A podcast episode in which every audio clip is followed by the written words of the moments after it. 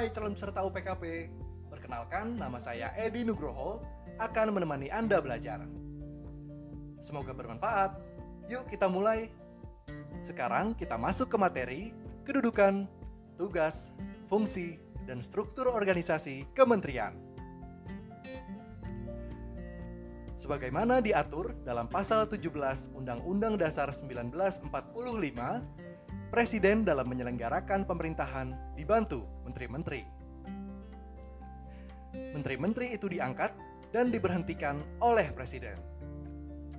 Setiap menteri membidangi urusan tertentu dalam pemerintahan. Sebagai tindak lanjut dari pembidangan dalam urusan-urusan pemerintahan tersebut, maka dibentuklah kementerian-kementerian dan lembaga pemerintah non-kementerian dalam rangka meningkatkan pelaksanaan tugas penyelenggaraan pemerintahan, maka Presiden menganggap perlu untuk mengatur mengenai tugas, susunan organisasi, dan tata kerja dari kementerian-kementerian yang berada di bawahnya. Peraturan dimaksud ditetapkan dalam Peraturan Presiden Nomor 7 Tahun 2015 tentang Organisasi Kementerian Negara.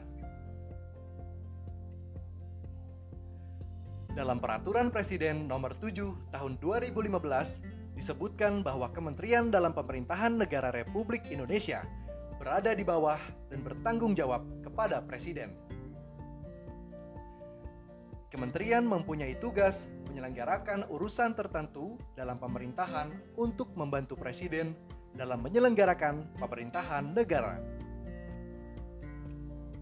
Dalam melaksanakan tugas, kementerian menyelenggarakan fungsi perumusan, penetapan, dan pelaksanaan kebijakan di bidangnya.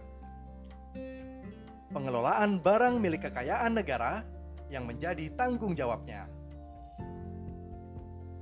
Pengawasan atas pelaksanaan tugas di bidangnya, pelaksanaan bimbingan teknis dan supervisi atas pelaksanaan urusan kementerian di daerah dan pelaksanaan kegiatan teknis yang berskala nasional.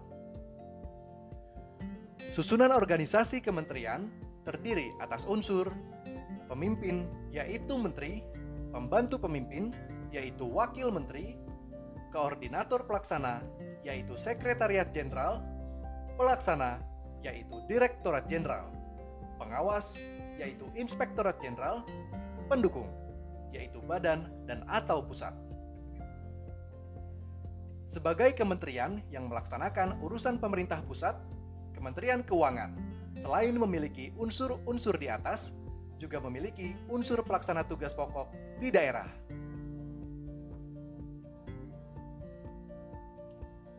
Adapun tugas dan fungsi masing-masing unsur di atas adalah sebagai berikut. Menteri mempunyai tugas memimpin kementerian sesuai dengan bidang tugas kementerian Wakil Menteri mempunyai tugas membantu Menteri dalam memimpin penyelenggaraan urusan kementerian. Sekretariat Jenderal dipimpin oleh Sekretaris Jenderal berada di bawah dan bertanggung jawab kepada Menteri. Sekretariat Jenderal mempunyai tugas melaksanakan koordinasi pelaksanaan tugas, pembinaan, dan pemberian dukungan administrasi kepada seluruh unit organisasi di lingkungan kementerian. Dalam melaksanakan tugas, Sekretariat Jenderal menyelenggarakan fungsi koordinasi kegiatan kementerian, koordinasi dan penyusunan rencana dan program kementerian, pembinaan dan pemberian dukungan administrasi yang meliputi ketatausahaan, kepegawaian, keuangan, kerumah tanggaan, arsip, dan dokumentasi kementerian. Pembinaan dan penyelenggaraan organisasi dan tata laksana, kerjasama, dan hubungan masyarakat. Koordinasi dan penyusunan peraturan perundang-undangan dan bantuan hukum. Penyelenggaraan pengelolaan barang milik kekayaan negara dan pelaksanaan tugas lain yang diberikan oleh menteri berdasarkan Perpres nomor 7 tahun 2015, rentang kendali Sekretariat Jenderal terdiri atas paling banyak 5 biro Masing-masing biro terdiri atas paling banyak empat bagian dan atau kelompok jabatan fungsional. Masing-masing bagian terdiri atas paling banyak tiga subbagian dan atau kelompok jabatan fungsional.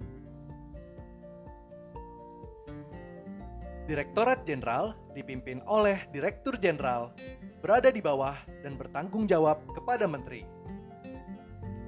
Direktorat Jenderal mempunyai tugas merumuskan serta melaksanakan kebijakan dan standarisasi teknis di bidangnya.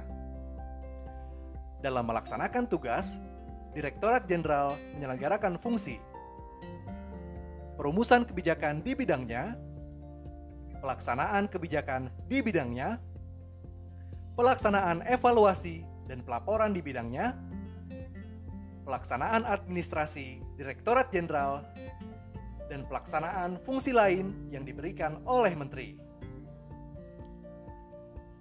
Selain menyelenggarakan fungsi di atas, Direktorat Jenderal yang melaksanakan urusan pemerintahan yang bersifat konkuren menyelenggarakan fungsi penyusunan norma, standar, prosedur, dan kriteria di bidangnya pemberian bimbingan teknis, dan supervisi di bidangnya. Berdasarkan Perpres nomor 7 tahun 2015, rentang kendali jumlah Direktorat Jenderal didasarkan pada analisis organisasi dan beban kerja. Direktorat Jenderal terdiri atas Sekretariat Direktorat Jenderal serta paling banyak 5 direktorat.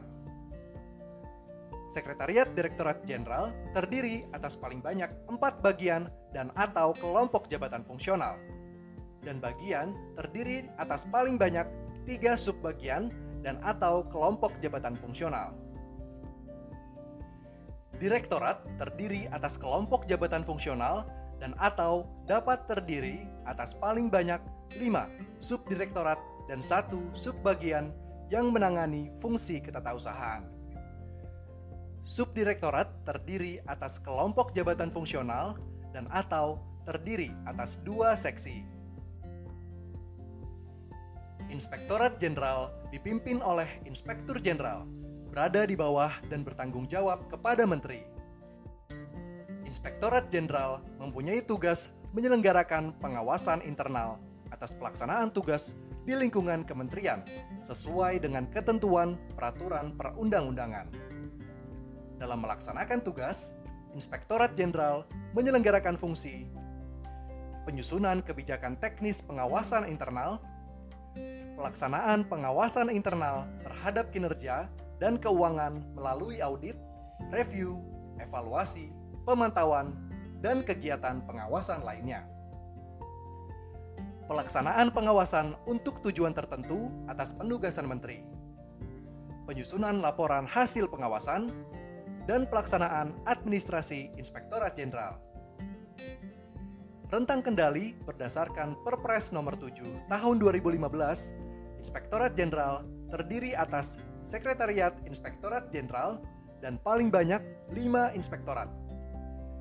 Sekretariat Inspektorat Jenderal terdiri atas paling banyak 4 bagian dan bagian terdiri atas dua subbagian. Inspektorat terdiri atas satu subbagian yang menangani ketatausahaan dan kelompok jabatan fungsional auditor. Badan dipimpin oleh kepala badan berada di bawah dan bertanggung jawab kepada menteri. Berdasarkan Perpres nomor 7 tahun 2015, rentang kendali badan terdiri atas sekretariat badan dan paling banyak empat pusat atau biro. Sekretariat badan terdiri atas paling banyak empat bagian dan bagian terdiri atas paling banyak tiga subbagian. Pusat atau biro terdiri atas kelompok jabatan fungsional dan atau dapat terdiri atas paling banyak tiga bidang atau bagian. Serta subbagian yang menangani fungsi ketatausahaan. Bidang atau bagian terdiri atas paling banyak dua subbidang atau subbagian. Pusat yang tempat kedudukannya tidak satu lokasi dengan tempat kedudukan sekretariat badan, fungsi yang menangani ketatausahaan dapat diwadahi dalam bentuk bagian yang terdiri atas dua subbagian. Dan kelompok jabatan fungsional dan atau dapat terdiri atas paling banyak tiga bidang yang masing-masing bidang terdiri atas paling banyak tiga subbidang. Berdasarkan Peraturan Presiden Nomor 57 Tahun 2020, susunan dan jumlah unit organisasi Kementerian Keuangan ditetapkan sebagai berikut. Sekretariat Jenderal terdiri atas paling banyak 8 biro. Masing-masing biro terdiri atas paling banyak 8 bagian dan masing-masing bagian terdiri atas paling banyak 4 subbagian. Inspektorat Jenderal terdiri dari Sekretariat Itjen dan Inspektorat Inspektorat. Sekretariat Itjen terdiri atas paling banyak enam bagian dan atau kelompok jabatan fungsional. Masing-masing bagian tersebut terdiri atas paling banyak lima subbagian dan atau kelompok jabatan fungsional. Inspektorat paling banyak delapan. Masing-masing inspektorat terdiri atas subbagian yang menangani fungsi ketatausahaan dan kelompok jabatan fungsional auditor. Direktorat Jenderal terdiri dari Sekretariat Ditjen dan Direktorat Direktorat. Sekretariat Ditjen terdiri atas paling banyak enam bagian, dan masing-masing bagian terdiri atas paling banyak empat subbagian. Direktorat paling banyak delapan, masing-masing direktorat terdiri atas paling banyak 6 subdirektorat dan subbagian tata usaha. Dan masing-masing subdirektorat terdiri atas paling banyak 4 seksi. Khusus Direktorat Jenderal Pajak terdiri atas paling banyak 15 direktorat, sedangkan Direktorat Bea dan Cukai paling banyak 10 direktorat. Badan terdiri atas Sekretariat Badan dan Pusat-Pusat. Sekretariat badan terdiri atas paling banyak lima bagian, dan masing-masing bagian terdiri atas paling banyak empat subbagian. Pusat paling banyak tujuh, masing-masing pusat terdiri atas kelompok jabatan fungsional dan atau dapat terdiri atas paling banyak lima bidang. Dan masing-masing bidang terdiri atas paling banyak empat subbidang. Menteri dibantu oleh staf ahli yang merupakan satu kesatuan dalam susunan organisasi kementerian. Menteri dibantu oleh staf ahli yang merupakan satu kesatuan dalam susunan organisasi kementerian. Staf ahli berada di bawah dan bertanggung jawab kepada menteri dan secara administratif dikoordinasikan oleh Sekretariat Jenderal. Staf ahli mempunyai tugas memberikan telaahan kepada menteri mengenai masalah tertentu sesuai bidang keahliannya. Pusat yang berada di bawah dan bertanggung jawab kepada menteri terdiri atas bagian tata usaha yang terdiri atas paling banyak tiga subbagian. Dan kelompok jabatan fungsional dan atau dapat terdiri atas paling banyak empat bidang. Masing-masing bidang terdiri atas paling banyak empat subbidang kewenangan pemerintah pusat dalam kedudukannya sebagai perumus dan pelaksana kebijakan dilakukan oleh kementerian-kementerian. Bagi kementerian yang kewenangannya tidak diserahkan kepada daerah sesuai peraturan perundangan yang berlaku seperti telah dijelaskan di atas, dapat dibentuk instansi vertikal yang merupakan perangkat kementerian yang berada di daerah. Pembentukan, susunan organisasi, formasi, dan tata laksana instansi vertikal di lingkungan kementerian ditetapkan dengan peraturan presiden. Selain unit-unit organisasi yang telah disebutkan di atas tadi, kementerian secara selektif dapat membentuk unit pelaksana teknis sebagai pelaksana tugas teknis operasional dan atau tugas teknis penunjang. Pedoman organisasi unit pelaksana teknis ditetapkan oleh menteri yang bertanggung jawab bidang pendayagunaan aparatur negara. Jabatan struktural adalah jabatan yang secara tegas ada dalam struktur organisasi seperti sekretaris jenderal, direktur, kepala seksi, dan sebagainya. Jabatan fungsional adalah jabatan yang ditinjau dari sudut fungsinya sangat diperlukan oleh suatu organisasi agar dapat menjalankan tugas-tugas pokoknya dengan lancar dan mandiri. Menurut peraturan pemerintah nomor 11 tahun 2017 yang selanjutnya telah diubah dengan peraturan pemerintah nomor 17 tahun 2020 tentang pegawai negeri sipil adalah sekelompok jabatan yang berisi fungsi dan tugas berkaitan dengan pelayanan fungsional yang berdasarkan pada keahlian dan keterampilan tertentu.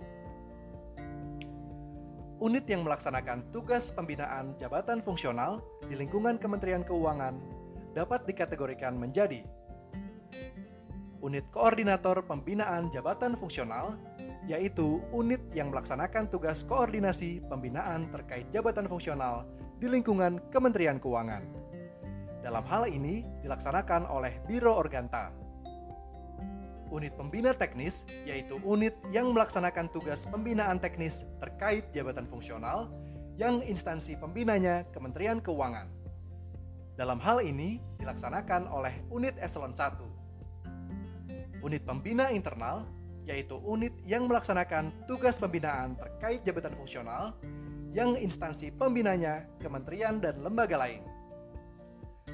Dalam hal ini dilaksanakan oleh unit yang memiliki kedekatan fungsi dan jabatan fungsional berkenaan. Dilihat dari sisi pembinaan jabatan fungsional di atas, secara umum jabatan fungsional yang diimplementasikan di lingkungan Kementerian Keuangan dapat dikategorikan menjadi dua, yaitu jabatan fungsional Kementerian Keuangan Pembina, yaitu jabatan fungsional yang memiliki fungsi dan tugas di bidang pengelolaan keuangan negara yang pembinaannya dilakukan oleh Kementerian Keuangan. Saat ini terdapat 16 jabatan fungsional Kementerian Keuangan Pembina dengan rincian sebagai berikut. Jabatan Fungsional Analis Anggaran berdasarkan Peraturan Menteri Pan-RB Nomor 21 Tahun 2016. Jabatan Fungsional Analis Anggaran adalah jabatan yang mempunyai ruang lingkup, tugas, tanggung jawab, wewenang, dan hak untuk melakukan kegiatan analisis di bidang penganggaran dalam pengelolaan anggaran pendapatan dan belanja negara atau APBN. Jabatan Fungsional Analis Anggaran merupakan jabatan fungsional yang bersifat terbuka dengan UPT jabatan fungsional adalah Direktorat Jenderal Anggaran. Jabatan Fungsional Pemeriksa Pajak Berdasarkan Permen Pan RB nomor 17 tahun 2016, jabatan fungsional pemeriksa pajak adalah jabatan yang mempunyai ruang lingkup, tugas, tanggung jawab, wewenang, dan hak untuk melakukan pemeriksaan pemeriksaan bukti permulaan, dan atau penyidikan pada unit Direktorat Jenderal Pajak.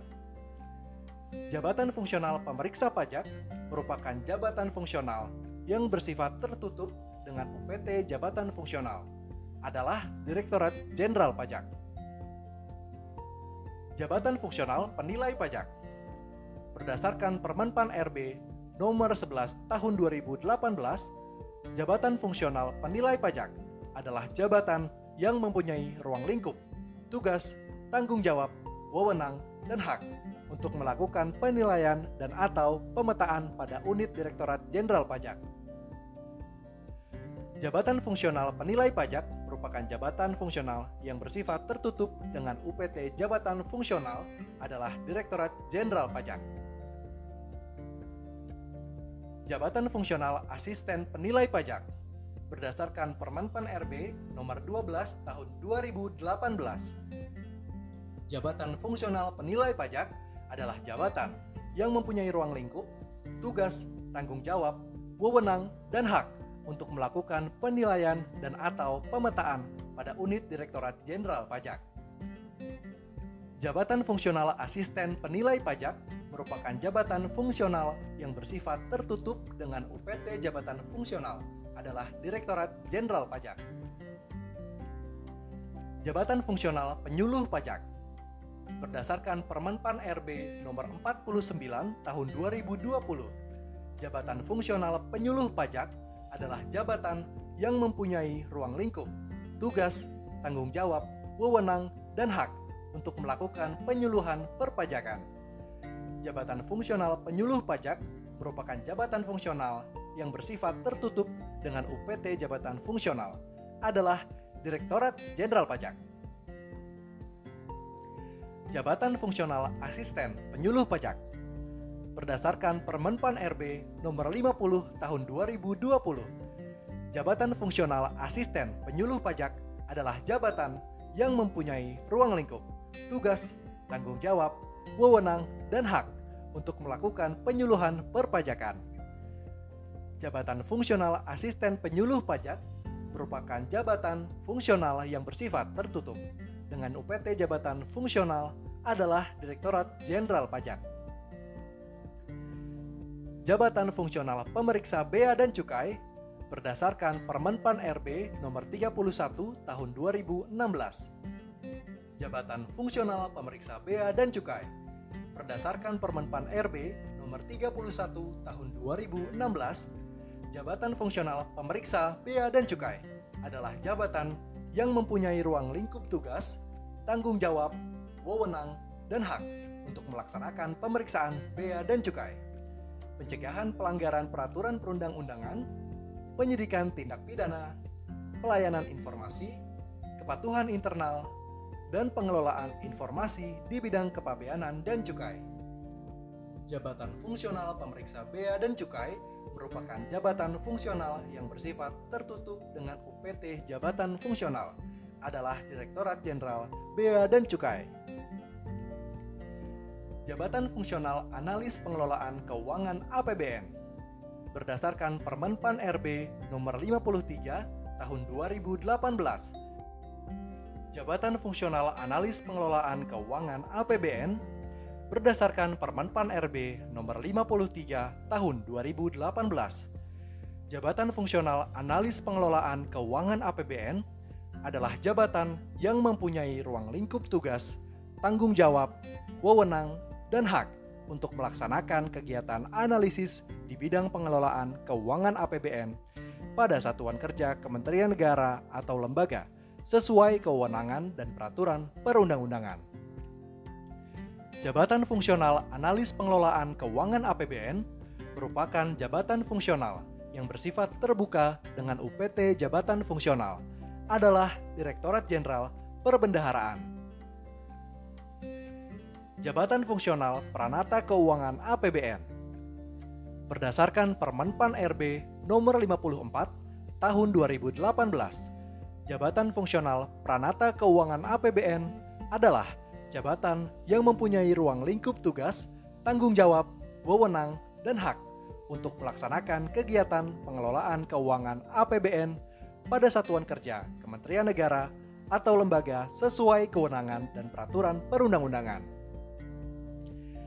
Jabatan fungsional Pranata Keuangan APBN merupakan jabatan fungsional yang bersifat terbuka dengan UPT jabatan fungsional adalah Direktorat Jenderal Perbendaharaan. Jabatan Fungsional Analis Perbendaharaan Negara. Berdasarkan Permenpan RB nomor 52 tahun 2018 Jabatan Fungsional Analis Perbendaharaan Negara adalah jabatan yang mempunyai ruang lingkup tugas, tanggung jawab, wewenang, dan hak untuk melaksanakan analisis pelaksanaan anggaran, pengelolaan kas negara, sistem manajemen investasi, pembinaan pengelolaan keuangan, badan layanan umum, laporan keuangan bendahara umum negara, dan pembinaan pengelola perbendaharaan. Jabatan Fungsional Analis Perbendaharaan Negara merupakan jabatan fungsional yang bersifat tertutup dengan UPT Jabatan Fungsional adalah Direktorat Jenderal Perbendaharaan.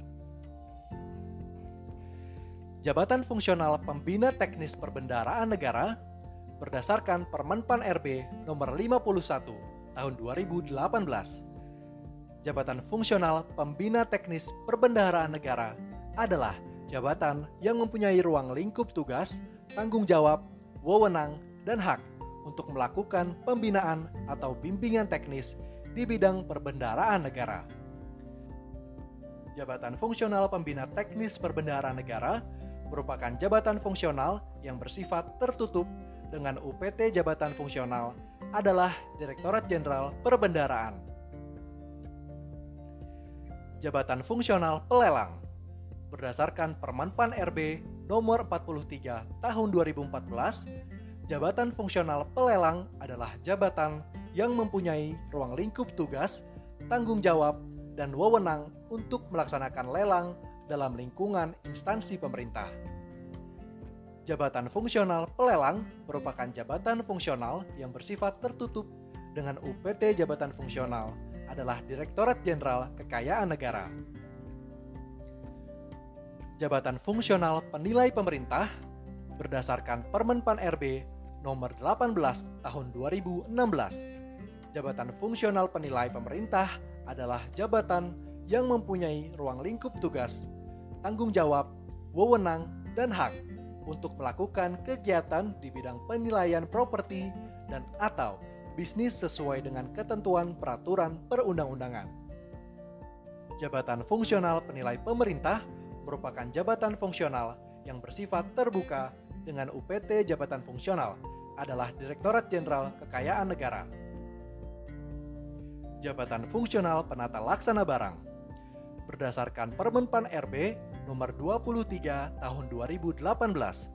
Jabatan fungsional penata laksana barang adalah jabatan yang mempunyai ruang lingkup tugas, tanggung jawab, wewenang, dan hak untuk melaksanakan kegiatan pengelolaan barang milik negara atau daerah sesuai dengan ketentuan peraturan perundang-undangan.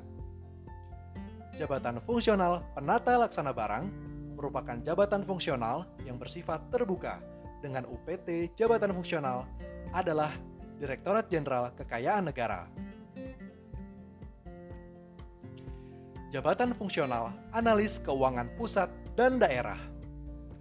Berdasarkan Permenpan RB nomor 42 tahun 2014. Jabatan fungsional analis keuangan pusat dan daerah berdasarkan Permenpan RB nomor 42 tahun 2014 jabatan fungsional analis keuangan pusat dan daerah adalah jabatan yang mempunyai ruang lingkup tugas, tanggung jawab, dan wewenang untuk melaksanakan analisis keuangan pusat dan daerah dalam lingkungan instansi pusat dan daerah. Jabatan fungsional analis keuangan pusat dan daerah merupakan jabatan fungsional yang bersifat terbuka. Dengan UPT jabatan fungsional adalah Direktorat Jenderal perimbangan keuangan. Jabatan fungsional analis pembiayaan dan risiko keuangan. Berdasarkan Permenpan RB nomor 50 tahun 2018, jabatan fungsional analis pembiayaan dan risiko keuangan adalah jabatan yang mempunyai ruang lingkup tugas, tanggung jawab, wewenang, dan hak untuk melaksanakan kegiatan analisis di bidang pengelolaan pembiayaan dan risiko keuangan. Jabatan Fungsional Analis Pembiayaan dan Risiko Keuangan merupakan jabatan fungsional yang bersifat tertutup dengan UPT Jabatan Fungsional adalah Direktorat Jenderal Pengelolaan Pembiayaan dan Risiko. Jabatan fungsional Kementerian Keuangan Pengguna yaitu jabatan fungsional yang digunakan oleh Kementerian Keuangan yang pembinaannya dilakukan oleh kementerian atau lembaga lainnya. Pada awal tahun 2021, terdapat 19 jenis jabatan fungsional Kementerian Keuangan pengguna yang sudah diimplementasikan dengan rincian sebagai berikut. Nah, sekarang muncul ilustrasi terkait. Silakan akses modulnya dan pahami maksudnya. Lanjut ya.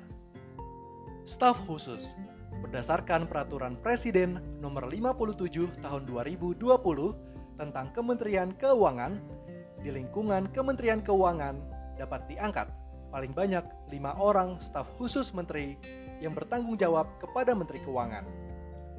Staf khusus menteri mempunyai tugas memberikan saran dan pertimbangan kepada menteri sesuai penugasan menteri dan bukan merupakan bidang tugas unsur-unsur organisasi Kementerian Keuangan.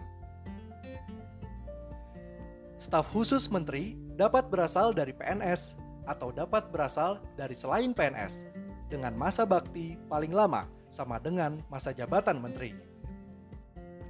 Berdasarkan Peraturan Menteri Keuangan Nomor 217 garis miring PMK titik 01 garis miring 2018 tentang organisasi dan tata kerja Kementerian Keuangan sebagaimana telah beberapa kali diubah terakhir dengan Peraturan Menteri Keuangan Nomor 229 garis miring PMK titik 01 garis miring 2019 tentang perubahan kedua atas Peraturan Menteri Keuangan Nomor 217 garis miring PMK titik 01 garis miring 2018 tentang organisasi dan tata kerja Kementerian Keuangan.